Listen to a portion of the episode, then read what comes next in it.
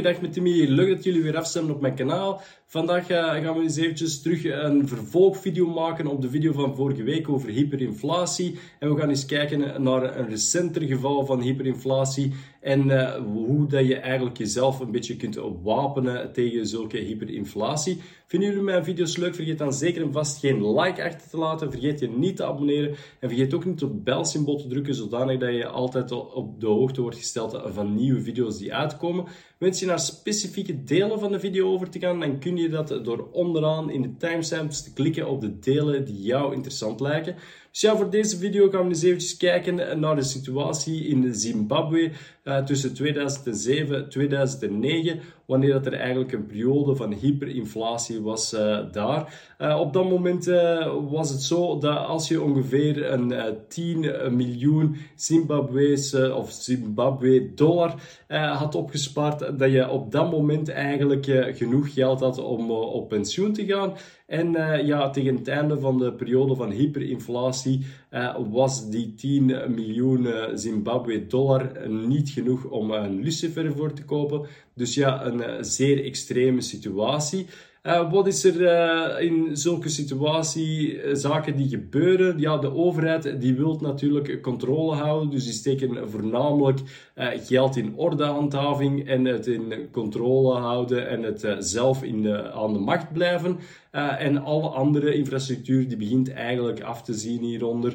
En zo was het zo dat in Zimbabwe dat er eigenlijk een enorm probleem was met de gevangenissen en dat de, de gevangenen gewoon eigenlijk van hongersnood stierven in de gevangenissen. Maar dat was nog niet het enige probleem. Het was ook zo dat de rest van de infrastructuur langzaamaan begon af te hellen. En uh, ja, met als gevolg dat bijvoorbeeld de waterzuivering en zo ook niet meer optimaal gebeurde. Dat de elektriciteitsnetwerk niet meer optimaal gebeurde. En uh, ja, zo was het zo dat de mensen dus uh, op gegeven moment, als de elektriciteit werkte, vlug opslag deden van water in allerlei vaten. Zodanig dat als de elektriciteit uitviel, dat ze zeker en vast nog een beetje drinkwater zouden hebben. Een van de maatregelen die de overheid nam, die er eigenlijk voor zorgde dat het probleem nog erger was, is dat ze een soort van eh, capped price zouden zetten. Ja, je zou denken van ja, een capped price, ja, dat is interessant, want ja, de mensen uh, moeten dan sowieso niet meer betalen uh, dan een bepaalde prijs. En daardoor eigenlijk uh, ja, wordt het probleem voor de mensen een beetje opgelost. Het probleem is nu dat bepaalde winkels werken met een bepaalde markup, dat ze bijvoorbeeld producten verkopen voor 10% boven de prijs uh, dat ze die eigenlijk hebben ingekocht. En als de overheid nu zit van, uh, ja, je mocht die maar uh, voor deze prijs verkopen en ja, je zit daar met een probleem met je markup, dan zit je op een gegeven moment dat je eigenlijk met producten zit die je goedkoper moet verkopen dan waar je die hebt ingekocht. En ja, je raadt het al, dat is natuurlijk niet haalbaar. Dus ja, op een gegeven moment zijn de bedrijven dan gewoon gestopt, omdat ze ja, hun producten moesten weggeven, bijna gratis, of zelfs er nog boven bovenop geven als ze het weggaven. Dus ja, dat was geen winstgevend model niet meer. En ja, veel bedrijven die hielden er dan ook mee op.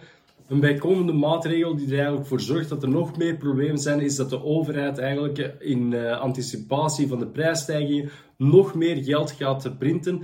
Uh, uiteindelijk wordt dit geld dat natuurlijk minder waard en dan steken ze de, de schuld op de bedrijven die steeds meer uh, geld vragen voor hun producten. Maar die bedrijven die moeten dat natuurlijk doen om uh, rendabel te blijven. Dus ja, een vicieuze cirkel eigenlijk dat je begint te krijgen. Op dit moment zien we ook op sommige plaatsen dat er sprake is van ja, prijs, prijscaps te zetten op bepaalde producten. Uh, wil dat zeggen dat we nu momenteel in hyperinflatie zitten? Niet per se, maar het is toch iets uh, waar we zeker en vast rekening mee moeten houden en waar je zeker op moet letten. Een van de zaken die de overheid ook probeert te doen, is om eigenlijk de bevolking een beetje in groepen in te delen, uh, waardoor dat er eigenlijk spanningen ontstaan tussen die verschillende groeperingen. En uh, ja, dit leidt eigenlijk de aandacht een beetje af van de hyperinflatie. Uh, ja, we zien ook op dit moment dat er bepaalde spanningen ontstaan tussen bepaalde groeperingen. En ja, we zien dat, de, dat er ook extra nieuwsberichtgeving omtrent komt, zodanig dat die groeperingen hopelijk in de clinch met elkaar gaan, uh, waardoor dat de aandacht een beetje afgeleid wordt uh, van andere zaken. De vraag is natuurlijk nu, welke maatregelen kun je eigenlijk nemen zodanig eh, dat je minder last hebt eh, van die inflatie? Eerst en vooral is uh, ruilhandel eigenlijk een van de aspecten die eventueel terug naar boven komt.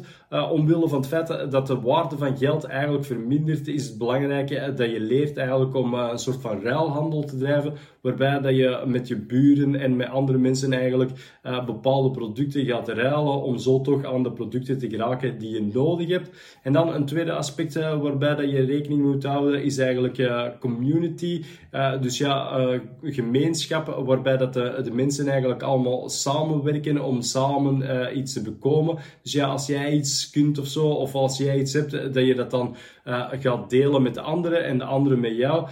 deze aspecten die kwamen duidelijk naar boven eigenlijk in Zimbabwe, waar dat de mensen in facties werden opgesplitst, maar de mensen ja, die deden daar toch niet aan mee en die kwamen eigenlijk toch dichter bij elkaar en hielpen elkaar uit. Uh, dus ja, een van die de zaken is uh, van belang dus dat je dan ook uh, heel bekend bent met je buren, dat je daar ook eigenlijk een soort van band mee hebt. dat hoeft nu niet per se te zijn dat je daar super close ties mee hebt, maar ja, toch goede vriendschappelijke gesprekken met je buren kunnen natuurlijk meehelpen als je dan bepaalde zaken niet hebt en jij bepaalde zaken wel, dan kun je eventueel ook zo weer aan ruilhandel doen of elkaar eigenlijk helpen met bepaalde zaken.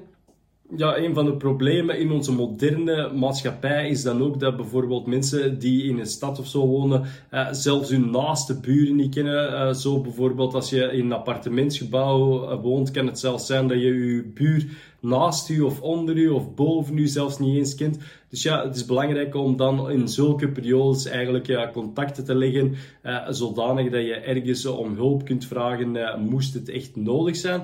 Een derde aspect uh, dat van belang is en dat naar boven kwam in Zimbabwe, is ja, dat je een bepaalde waterbron hebt. Dus ja, dat je een bepaalde voorraad aan water hebt. Uh, of dat je op een eenvoudige manier aan water kunt geraken. Want ja, de mensen die uh, aan water geraken, die hadden daar uh, een enorm voordeel. Uh, omdat ze dit ook kunnen gebruiken om te, te handelen met anderen. Ja, bij ons natuurlijk is er over het algemeen wel genoeg water dat uit de lucht valt en zo.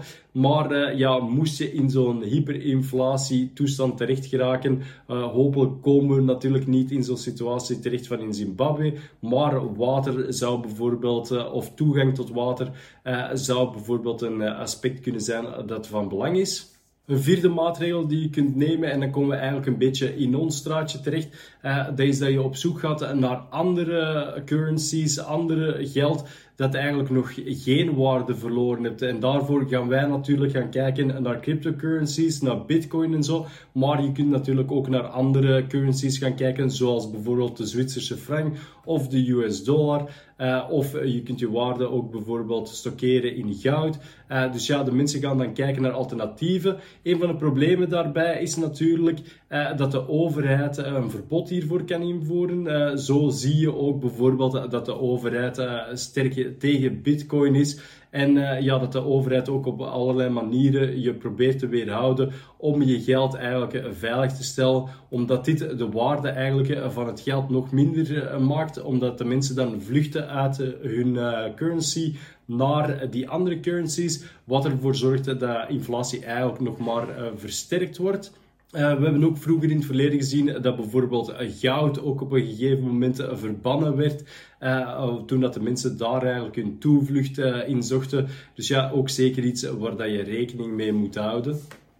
Een vijfde aspect tijdens zo'n periode van hyperinflatie, waarbij dat je eigenlijk jezelf eigenlijk een beetje kunt beschermen, is door zelf ook een beetje eten te kweken in je tuin eventueel. Dus ja, als je op het land woont, is het natuurlijk eenvoudiger dan in de stad. Maar zelfs in de stad zou je eventueel een klein moestuintje of zo, of, of een klein stadsterrastuintje kunnen aanhouden, uh, waarbij dat je toch een zekere hoeveelheid eten uh, kweekt. eventueel kun je daarmee ook een beetje ruilhandel doen met je buren of zo, als je bepaalde producten hebt die zij niet hebben.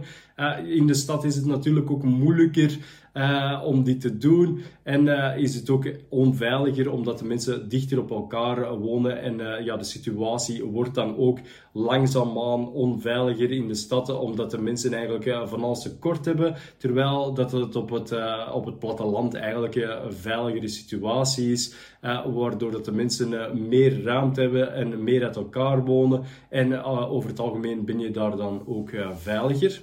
En dan komen we eigenlijk bij ons volgende punt terecht, uh, dat ook misschien belangrijk is om bepaalde zaden en zo van uh, gewassen bij te houden, zodanig dat je altijd eigenlijk opnieuw kunt planten. Uh, ja, de meeste mensen gaan hun zaden zo in de winkel kopen, maar er zijn ook eenvoudige manieren om eigenlijk zaden van bepaalde producten af te halen en om die zelf te planten. Die zaden bijhouden kan er ook voor zorgen dat je eigenlijk met je buren die zaden en zo kunt wisselen. Zo hebben we zelfs iemand in de familie gehad vroeger tijdens de Wereldoorlog.